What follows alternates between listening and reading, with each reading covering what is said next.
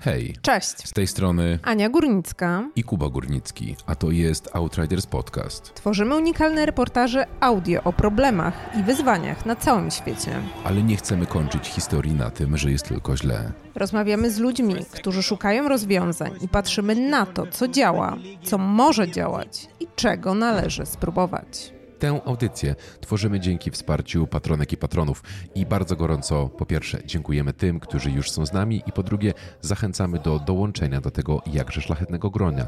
Na stronie patronite.pl łamane przez Outriders możesz nas wesprzeć dobrowolną opłatą wedle Twojego uznania. Już z góry za to dziękujemy. Stany Zjednoczone od lat mierzą się z kryzysem opioidowym, ale najpoważniejszy kryzys związany ze środkami przeciwbólowymi w amerykańskiej historii nie został wywołany przez nieumiarkowane ich stosowanie ani przez działalność karteli narkotykowych. Mówi się, że powodami, które przyczyniły się do wybuchu współczesnego kryzysu opioidowego były zmiana paradygmatu w leczeniu bólu, nierozważna praktyka lekarzy, działalność wielkich koncernów farmaceutycznych oraz brak wystarczająco restrykcyjnej kontroli ze strony władz państwowych. Czy Stany Zjednoczone wyciągają teraz wnioski z tysięcy śmierci spowodowanych nadużywaniem tych środków? Jak wygląda obecnie legislacja amerykańska w tym zakresie? I czy popularny fentanyl, wielokrotnie mocniejszy niż morfina, może dotrzeć także do innych krajów?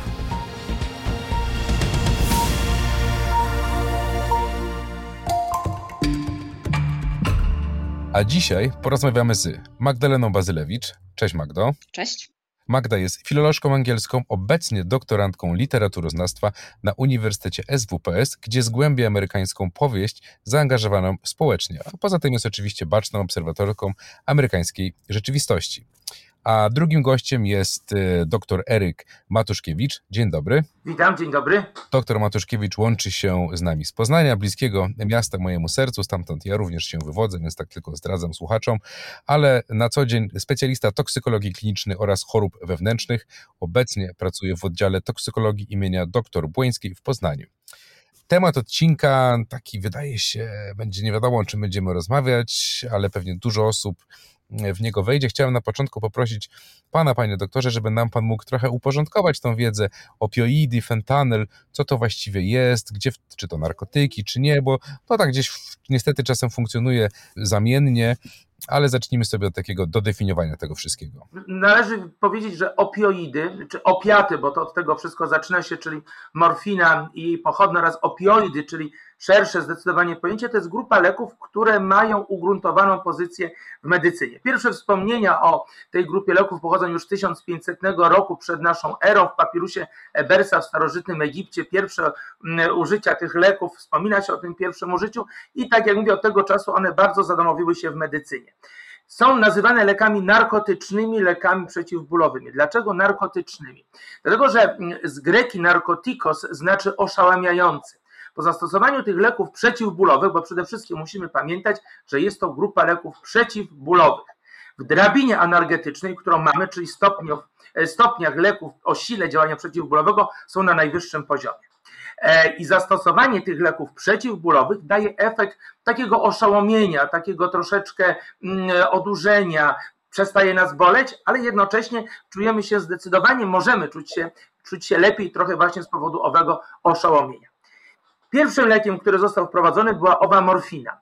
I każde kolejne, które pojawiały się, odnosiły się siłą działania do morfiny. E, I tak pojawił się tramadol, i tak pojawiła się buprenorfina, i tak pojawiła się petydyna, czy ostatecznie fentanyl, który w tej chwili jest najsilniejszym dostępnym w Polsce lekiem przeciwbólowym. Jeśli przyjmiemy za jeden działanie morfiny, to działanie fentanylu jest 100 razy silniejsze od tegoż właśnie leku. Leki te stosowane są i chyba nikt nie wyobraża sobie medycyny paliatywnej, mm, nie wyobraża sobie anestezjologii, bo w znieczuleniu jest stosowane, medycyny, mm, która walczy z bólem bez tej grupy leków. Bylibyśmy niezwykle biedni, a pacjenci niezwykle cierpiący, gdybyśmy nie mieli tej grupy leków. Także one są obecne, tak nie nazywamy i praktycznie w pewnych tych dziedzinach powszechnie stosujemy je. Ale jednocześnie mówimy, przynajmniej w kontekście Stanów, o kryzysie. Magda, jakbyś, czy ty jesteś w stanie nam pomóc zrozumieć, na, skąd ten kryzys się wziął i na czym właściwie polega? Oczywiście, jak każda tego typu sytuacja, jest to bardzo złożony problem, ale jeżeli miałoby się to sprowadzać do jednego słowa, byłoby to słowo Nie, no saklerowie. w paru słowach. tak, w dwóch słowach był, byłyby to e, tak słynne drzwi obrotowe. Wyróżnia się teraz trzy fale tego, tego współczesnego kryzysu.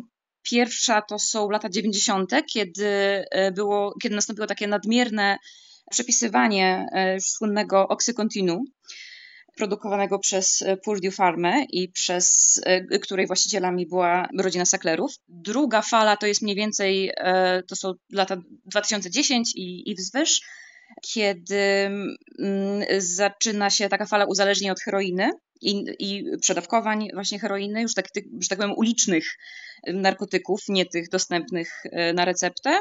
A trzecia fala to jest, e, to, to są te lata e, powiedzmy od 2020, kiedy fentanyl i te już czysto syntetyczne mm, narkotyki no, powodują fa falę zgonów, falę przestępczości. O tym kryzysie też mówi się dlatego, że, że segmenty populacji, które e, są narażone i które e, cierpią z powodu właśnie uzależnień, nie ograniczają się tylko już do powiedzmy takich, to też może mało poprawnie polityczne, ale do powiedzmy do, y, do y, biedoty, do tutaj też y, zazwyczaj epidemie, na przykład epidemia kraku dotyczyła segmentów populacji czarnej, a tutaj od, od lat 90. to wszystko rozlało się też na bogatsze, na, na białe społeczeństwo i wtedy zaczęto zwracać na to uwagę. Także to, to jest, dlatego też mówimy o tym kryzysie.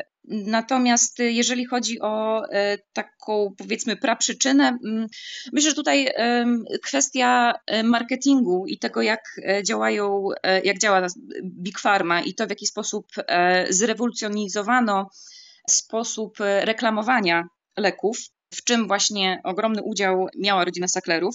Właśnie chciałem dopytać, bo mówisz o tej rodzinie Sacklerów, któryś raz może nie wszyscy wiedzą, mhm. E, co to jest za rodzina, więc jakbyś to, bo czy to rodzina mafijna, czy rodzina bogaczy jakiś? Poniekąd, to... tak, tak, tak. No rodzina, myślę, że teraz jakikolwiek konsument jakby tych treści streamingowych, Netflixowych pewnie już zdaje sobie sprawę, e, kim są ci ludzie, ponieważ w ostatnich latach powstało mnóstwo produkcji. Słynny Dope Sick, czyli Lekomania z Michaelem Keatonem, świetny serial na temat e, tego całego skandalu. E, ja kilka dni temu obejrzałam Netflixową produkcję, to Upadek domu Asherów. To jest, nie wiem, czy ktoś miał tutaj e, z panów okazję to zobaczyć. Słyszałem, Natomiast... Nie widziałem. Tak, to jest, to jest, to jest, ewide, to jest ewidentnie rodzina Sacklerów, ale przedstawiona w sposób już taki no, karykaturalny, jako absolutnie zdeprawowane potwory, po których wręcz za ich zbrodnie upomina się jakieś siły ponadnaturalne. Więc jest to, natomiast to ewidentnie, są to Sacklerowie, jest to Oxycontin, który ma tam oczywiście inną nazwę. Tak, to jest rodzina, która właśnie zrewolucjonizowała ten marketing, czyli reklamowanie le leków. Y, Artur był odpowiedzialny za za pomysł E, reklamowania leków bezpośrednio, e, znaczy nie bezpośrednio właśnie pacjentom, tylko e, lekarzom. Czyli publikowanie artykułów sponsorowanych w czasopismach medycznych. To tak w, ten sposób zarobił mnóstwo pieniędzy na Valium mm, jeszcze gdzieś tam w latach 60.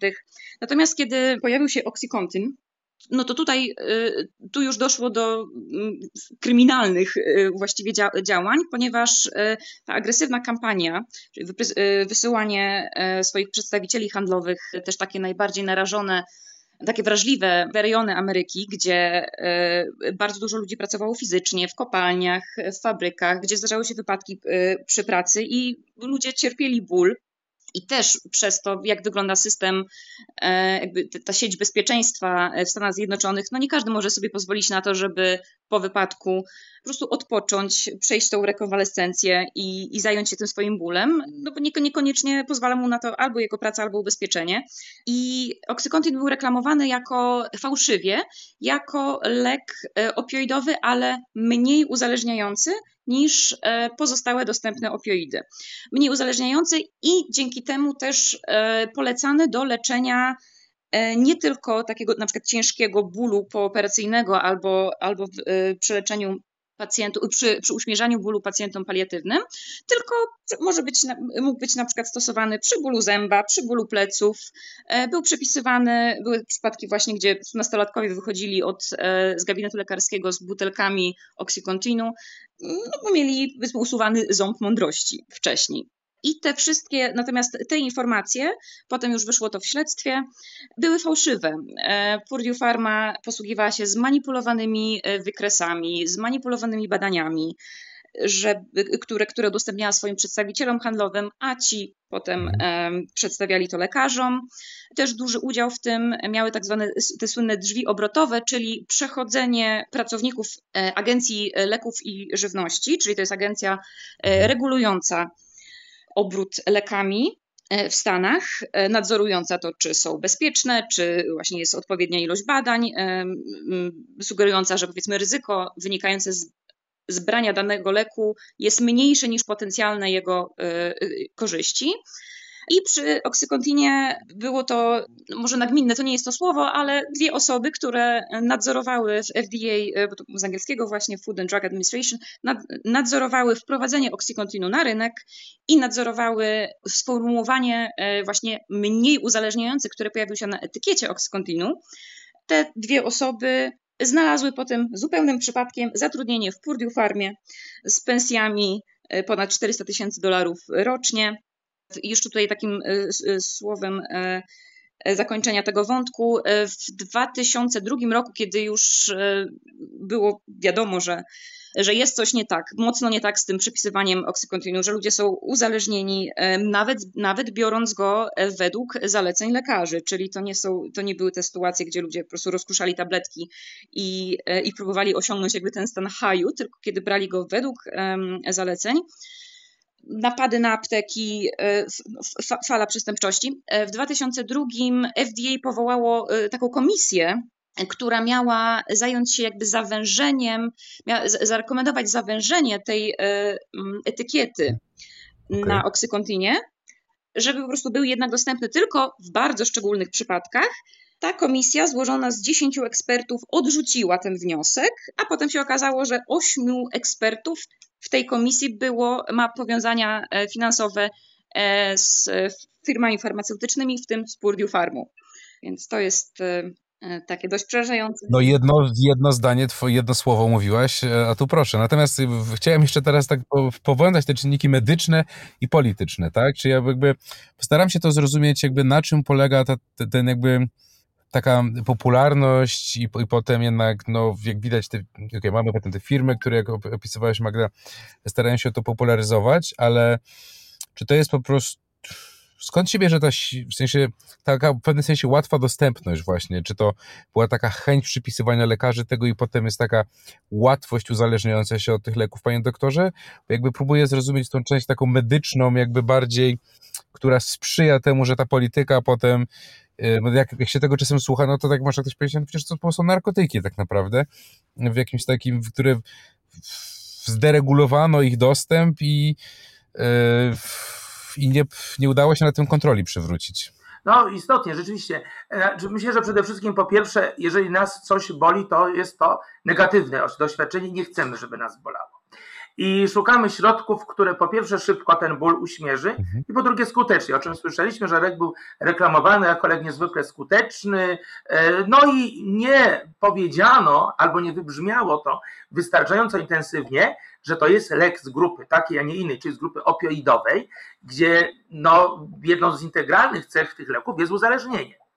I to, czy ono uzależnia mniej czy bardziej, to jest strasznie indywidualne, bo, bo my jesteśmy różni ale na pewno jest to grupa, która nas bardzo uzależni. I z jednej strony pojawiło się coś, przychodzi ktoś, mówi złoty środek daje, mi tutaj mówi nie będzie cię bolało, zacząłem tak jak o czym słyszeliśmy, bo mówione o różnych dolegliwościach, a wiemy, że przecież leki opioidowe mają swoje wąskie zastosowanie i nie stosujemy ich jako pierwszego rzutu w bólach, kiedy boli mnie kręgosłup, ani tym bardziej jak po ekstrakcji ząb, bo mam inne skuteczne środki.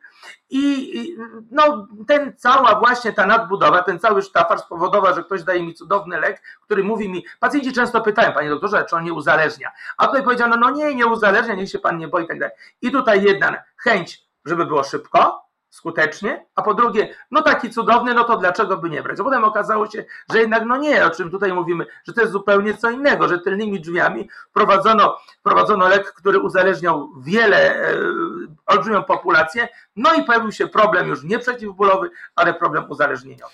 No, jeszcze zostając, y, jak sobie z tym lekarze radzą? Też są pewnie świadomi tego, że po pierwsze, że tego działania leku, ale też mówię bardziej o takich skutkach społecznych, tak? W sensie, czy jest jakaś taka próba samoregulowania tego wszystkiego, czy to jest kwestie uświadamiające? Tutaj jestem ciekaw. Może trochę powiem, przepraszam, z tym szacunkiem do Państwa psychologów, jak na sesji to zależy. E, no, e, teraz to wszystko jest już usystematyzowane i ten kontakt przemysłu farmaceutycznego i nas lekarzy no, już jest bardziej ustrukturyzowany i to jest bardziej transparentne. To nie są czasy już takie, gdzie, gdzie rzeczywiście no, praktycznie wszystkie chwyty były dozwolone. A to jest jedna rzecz. A druga rzecz, no też my jesteśmy różni. Są, są lekarze bardziej, myślę, że osoby bardziej podatne na reklamę, mniej podatne jednych, jak to mówi angielskie przysłowie, every man has his price, każdego można przekupić, tego może długopisem, a tamtego wycieczką zagraniczną, prawda? No i pewnie to się z tego powodu brało, no było duży jakiś nałożony nacisk na, zresztą każdy nowy lek, może tak abstrahując, jeżeli jest wprowadzany na rynek, no ma duży, duży marketing, no żeby oczywiście powiedzieć, zachęcić, pokazać, jak on działa, jest dobry, jest nowy, to każdy mu się przygląda, bo nowy to znaczy, że skuteczniejszy, lepszy. No i pewnie tutaj z różnych stron uderzano, żeby, żeby się przebić, żeby pokazać, że no mamy naprawdę dla, dla was, drodzy ludzie, nasi pacjenci, konsumenci, mamy coś cudownego. A kto był bardziej podatny również ze strony lekarzy, myślę, no to też przepisywał ten lek nie, może nie sądząc, a może muszcząc pomimo uszu, że to są leki, które mają wąskie wskazania, no bo bo jest ten potencjał uzależniający, żebyśmy sobie nie w cudzysłowie wyhodowali całej rzeszy tutaj y, na uzależnionych, no można powiedzieć, narkomanów. E, Magdo, bo ty wspomniałeś, mówiąc o tym, że jedna z takich społeczności dotkniętych była społeczność afroamerykańska, ale czy są jakieś grupy społeczne, które, nie wiem, jakoś mocniej były podatne na, na wpływ opioidów? Czy to właśnie chodzi, że znowu grupy, które i tak mają ciężko w życiu, ponownie padały ofiarą, czy, czy też jakieś takie grupy, które społeczne, które byśmy się nie spodziewali? E, w tym przypadku e, tej właśnie tej ostatniej fali to właściwie dotyka już wszystkich. I też teraz nie przypomnę sobie nazwisk, ale, ale gdyby tam pewnie pogrzebać, to, to też pamiętam, że dochodziły takie, takie informacje o, no chociażby o celebrytach, prawda? Czy tam mhm. ludzi, ludziach bogatych, którzy umierali z powodu przedawkowania czy Oxycontinu, czy potem leków, które brali powiedzmy zamiast, czy myślę, że w przypadku osób e, lepiej sytuowanych e, te osoby miały dostęp cały czas do e, właśnie do Oxycontinu, natomiast w przypadku może osób mniej zamożnych, te osoby po prostu przerzucały się później już na taką uliczną heroinę. Także w tym wypadku to jest, teraz to jest już problem uniwersalny. Ja kilka dni temu e, jeszcze miałam okazję e, być e, w Nowym Jorku i tam, co ciekawe, w nowojorskim metrze ogłoszenia, mm, które wiszą właśnie w, w, w owym metrze, to są na przykład takie plakaty z, e, krzyczące, czy wiesz, jaka dawka fentanylu jest śmiertelna i są powiedzmy jest tam taka igiełka, na tej igiełce jest jakaś taki malut, malutka ilość białego proszku. Ba, ba, te kampanie jakby edukacyjne są e, mhm. prowadzone teraz już na e, powszechną skalę, co też myślę jest e, takie wymowne dość, że jest to, dotyczy to absolutnie właściwie wszystkich. Natomiast tak, na samym początku to było tak, to było głównie kierowane do tych takich środowisk właśnie klasy pracującej, pracującej fizycznie. Tutaj jeszcze taka może mała ciekawostka, a propos właśnie marketingu, e, w niektórych stanach e, istniała taka polityka monitorowania leków na, lice, na receptę, mhm. E, z angielskiego to się nazywało tri, triplicate states. Nie, zna, nie znalazłam do, polskiego tłumaczenia dobrego, ale takie stany potrójne, potrójnego formularza.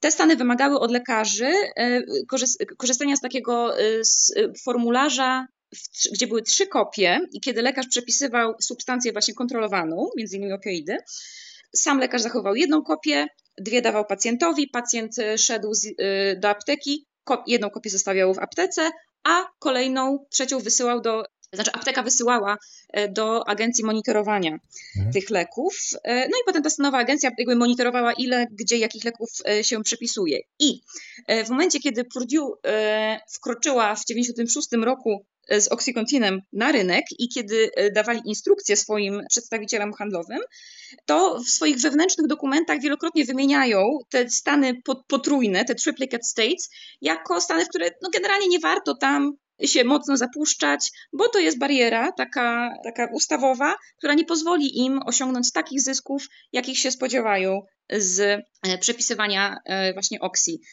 I to, to, myślę, że jest takie dość symptomatyczne, że to, że nadużywanie i uzależnianie się od leków, w tym przypadku od y, oksykontinu, przynajmniej w polityce Purdue, to nie, to nie był jakby wypadek przy pracy, tylko to było właściwie coś, do czego oni dążyli. Oni na to liczyli, ludzie uzależnieni, e, że będą za wszelką cenę ten e, lek starali się zdobyć. E, więc no tutaj ewidentnie Tutaj też taka właśnie, było takie niedawno badanie, gdzie przeprowadzono symulację, co by było, gdyby wszystkie Stany miały taką politykę właśnie tego potrójnego jakby monitorowania, potrójnego formularza. I taka symulacja wykazała, że ilość zgonów wynikających z przedawkowania właśnie opioidów y, mogła być niższa o ponad 40%. Więc to byłby taki sygnał, że jednak te regulacje oczywiście biorąc pod uwagę, że są prowadzone przez ludzi nieprzekupnych, e, no miałoby sens. Pan doktor coś jeszcze chce dorzucić? Pani Magda mówi, że reklamy fentanolu. Ja nie byłem, ale słyszałem od studentów, którzy byli, że na przykład też są bardzo częste reklamy, bardzo duże z reklamów naloksonu. A nalokson jest odtrutką w przypadku przedawkowania. Czyli to jakby też pokazuje, jest zgodny e, z tym, o czym mówimy, spójne, że z jednej strony mówimy o niebezpieczeństwie, ale z drugiej strony mówimy, że jest odtrutka. Tę odtrutkę, czyli ten lek dużo łatwiej jest zdobyć. U nas jest praktycznie tylko w lecznictwie zamkniętym, w szpitalach, przychodniach pogotowie nie ma w lecznictwie otwartym.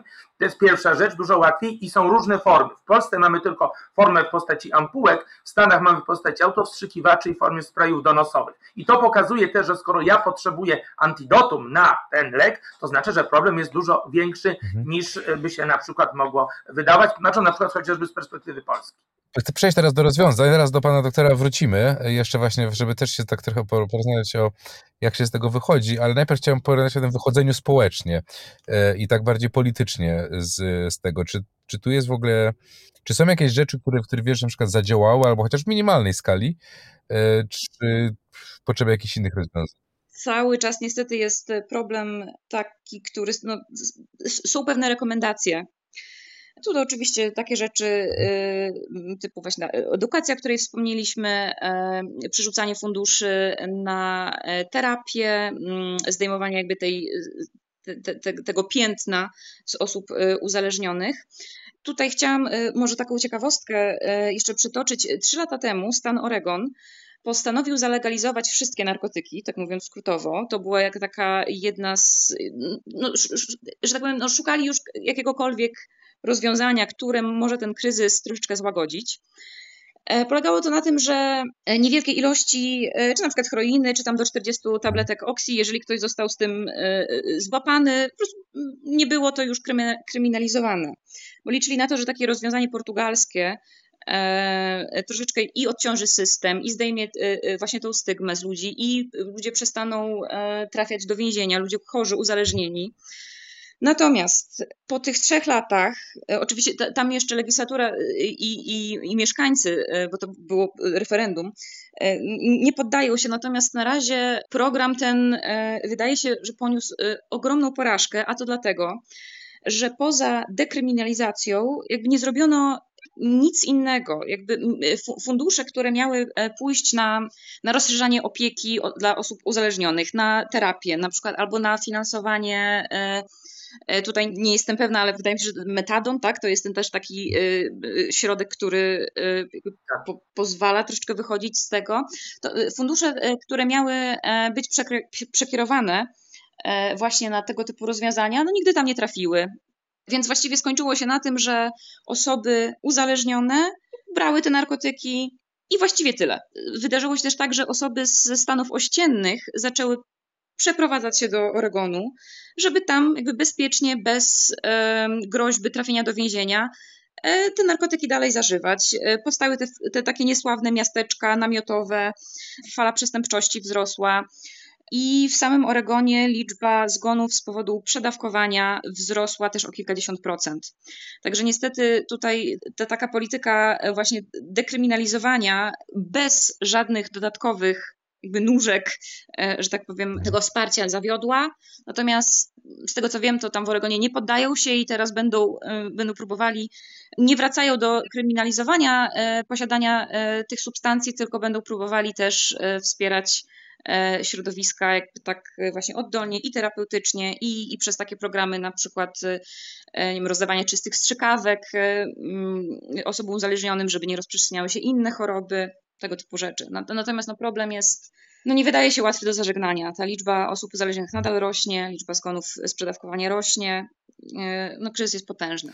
Panie doktorze, a jak to wygląda, jeżeli chodzi o takie w ogóle wychodzenie z tego, tak? To znaczy, czy no w porównaniu do innych substancji uzależniających, czy to jest trudniejsze, łatwiejsze, czy, czy są jakieś takie proszę wybaczyć może infantylność mojego pytania, ale czy, czy z czegoś da się łatwiej wyjść, prościej? Bo... No, to pytanie jest bardzo na miejscu, dlatego że w moim przekonaniu opioidy, może zaraz za nimi są benzodiazepiny, to są dwie grupy, których wychodzi, do których wchodzi się bardzo łatwo, natomiast wychodzi się niezwykle trudno.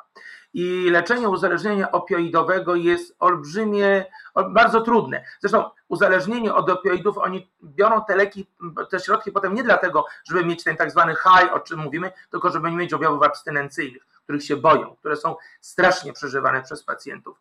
Mm, e, terapia jest mozolna, terapia jest długa, e, terapia jest niekiedy wieloletnia. Mm, to, o czym mówiliśmy, ten program metodonowy, to jest zaaprobowany w Polsce, przynajmniej program do leczenia mm, chorych uzależnionych od, od opioidów. Także to jest naprawdę tytaniczna praca wyjścia z tego nałogu. Jak ja mówię, łatwo się uzależnić, natomiast trudno z tego wyjść. Zresztą e, zażywanie e, tej grupy leków czasami nie jest też po to, oczywiście ten efekt przeciwbólowy, tylko o tym, żeby mieć ten efekt euforyzujący, taki ten efekt tak zwanego, mówiąc, mówimy odlotu, o czym już mówiliśmy, że to jest egalitarne, to nie tylko pewne grupy, ale praktycznie to już wszyscy możemy pożądać tego efektu i czy będziemy, y, będziemy y, z całym szacunkiem zwykłymi robotnikami, czy będę profesorem uniwersyteckim, absolutnie nic mnie nie różni. Także jest ten problem, może być bardzo powszechny. I, i tak jak mówię, bardzo trudno wychodzi się z uzależnienia opioidowego. I kolejna rzecz, też tutaj pani Magda mówi, te, ta nadmiarowość zgonów, bo te leki też, te środki bardzo łatwo przedawkować. Od tej dawki powiedzmy leczniczej, czy tej dawki, tak my nazywamy rekreacyjnej, która daje mi ten tak zwany, ten, ten, ten odlot, łatwo przejść do dawki, która będzie dawką śmiertelną. A w tej grupie leków, w tej grupie środków, może tak, w tej grupie środków, jest śmiertelność, jest o czym mówimy, bardzo duża, bo bardzo łatwo te leki przedawkować, dojdzie do zatrzymania oddechu, bo taki jest mechanizm działania, do niewydolności oddechowej. Mhm. Jeżeli nie będzie antidotum podane, nie udzielona będzie im pomoc w ciągu 4 minut, dojdzie do zatrzymania krążenia i do zgonu. Także strasznie z tego powodu niebezpieczne, niebezpieczne leki, niebezpieczne środki. E, Magda, jeżeli chodzi o obecną administrację amerykańską, czy ona jakieś próby podejmuje też bardziej na szczeblu federalnym? Czy, czy to wszystko raczej się rozgrywa na, na szczeblu stanowym, czy jakoś tak łączenie, nazwijmy to? Chyba to ostatnie, łączenie, tak. Administracja Bidena e, już przy w 2020 podpisaniu ustawy na przykład o dekryminalizacji marihuany e, bardzo mocno podkreślała, że też te zyski, które zostaną wygenerowane przez sprzedaż legalnej marihuany, powinny iść e, w programy pomocy e, osobom uzależnionym. Tylko są takie bardzo ogólne stwierdzenia, potem już na poziomie stanowym to się, to się mm, dzieje. Natomiast tak, jest ewidentnie narracja na, na, na, szczeblu federalnym jest taka, że, że tutaj mamy do czynienia z osobami, z ofiarami, nie z osobami, które same są sobie winne, z, że tak powiem w cudzysłowie, z ćpunami, e, których trzeba zamykać do więzień. E, tylko z osobami, które są ofiarami i tego systemu, i e, no, systemu, może, może, może tutaj kropkę postawię, i też ten system powinien im pomóc, bo też i, i ekonomia na tym cierpi, i, i rodziny. Bardzo dużo osób, osoby uzależnione tracą pracę, tracą na przykład swoje dzieci.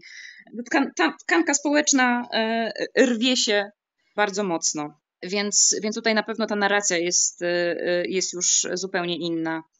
Ale tak, no to, to jest tutaj też kwestia i biurokracji amerykańskiej, która jest. Y, no też ona jest bardzo podatna na wpływy lobbyingowe, nie? Tak, i lobbyingowa, ale też bardzo rozbudowana, więc to jest też, to właśnie mozolne, pan doktor użył tego słowa, też i mozolne, i mozolne wychodzenie z uzależniania, i mozolne e, e, takie regulowanie tego hmm. wszystkiego.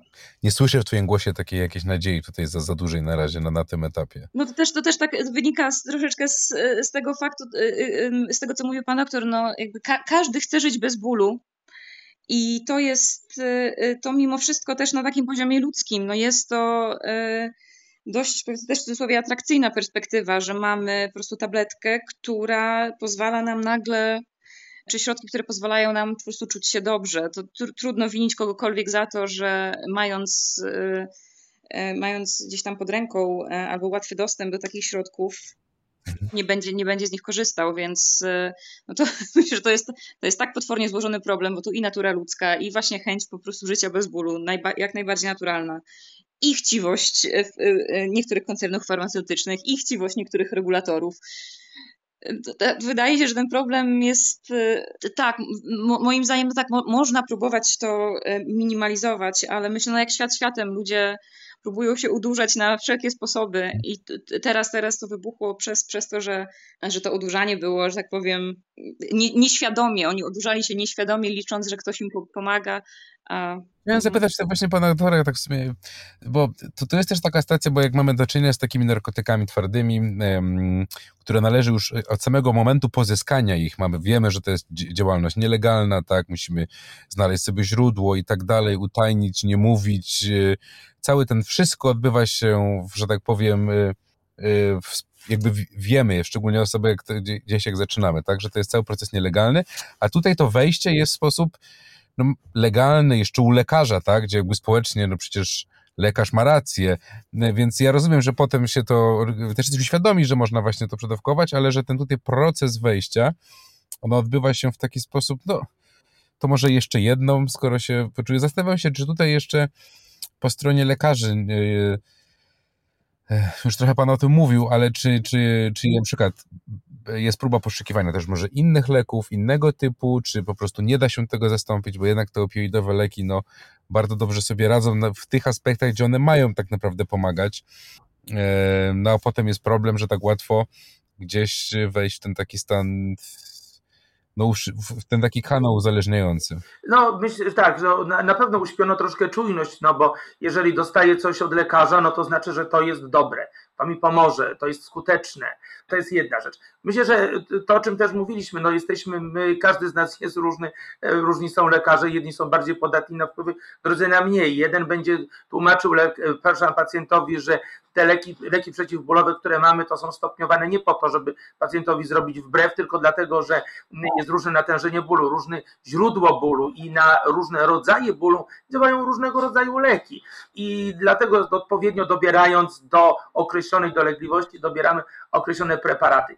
To jest zawsze tak, że jak drogę wybieramy na skróty, to ta droga może nam się noga powinąć. I tu trochę była droga na skróty, no bo z jednej strony to już, o czym wielokrotnie wybrzmiało, no nie chcę, żeby mnie bolało pacjent może tam, nie wiem, utyskuje w gabinecie, chcemy się go w cudzysłowie szybko pozbyć, no to damy mu taki preparat, który mi powiedziano, że jest cudowny i zobaczy pan, jaki będzie wspaniały. No i to rzeczywiście na początku działało, ludziom się to podobało pewnie, bo taki, taki jest efekt działania tych leków. No i potem jak się podobało, no to przychodzili, przychodzili kto nie jest asertywny, nie powie dość, wystarczy, no to pisał, żeby też może mieć święty spokój, żeby już nie przychodził tej głowy, nie zawraca, bo to ciągle coś marudzi i tak dalej.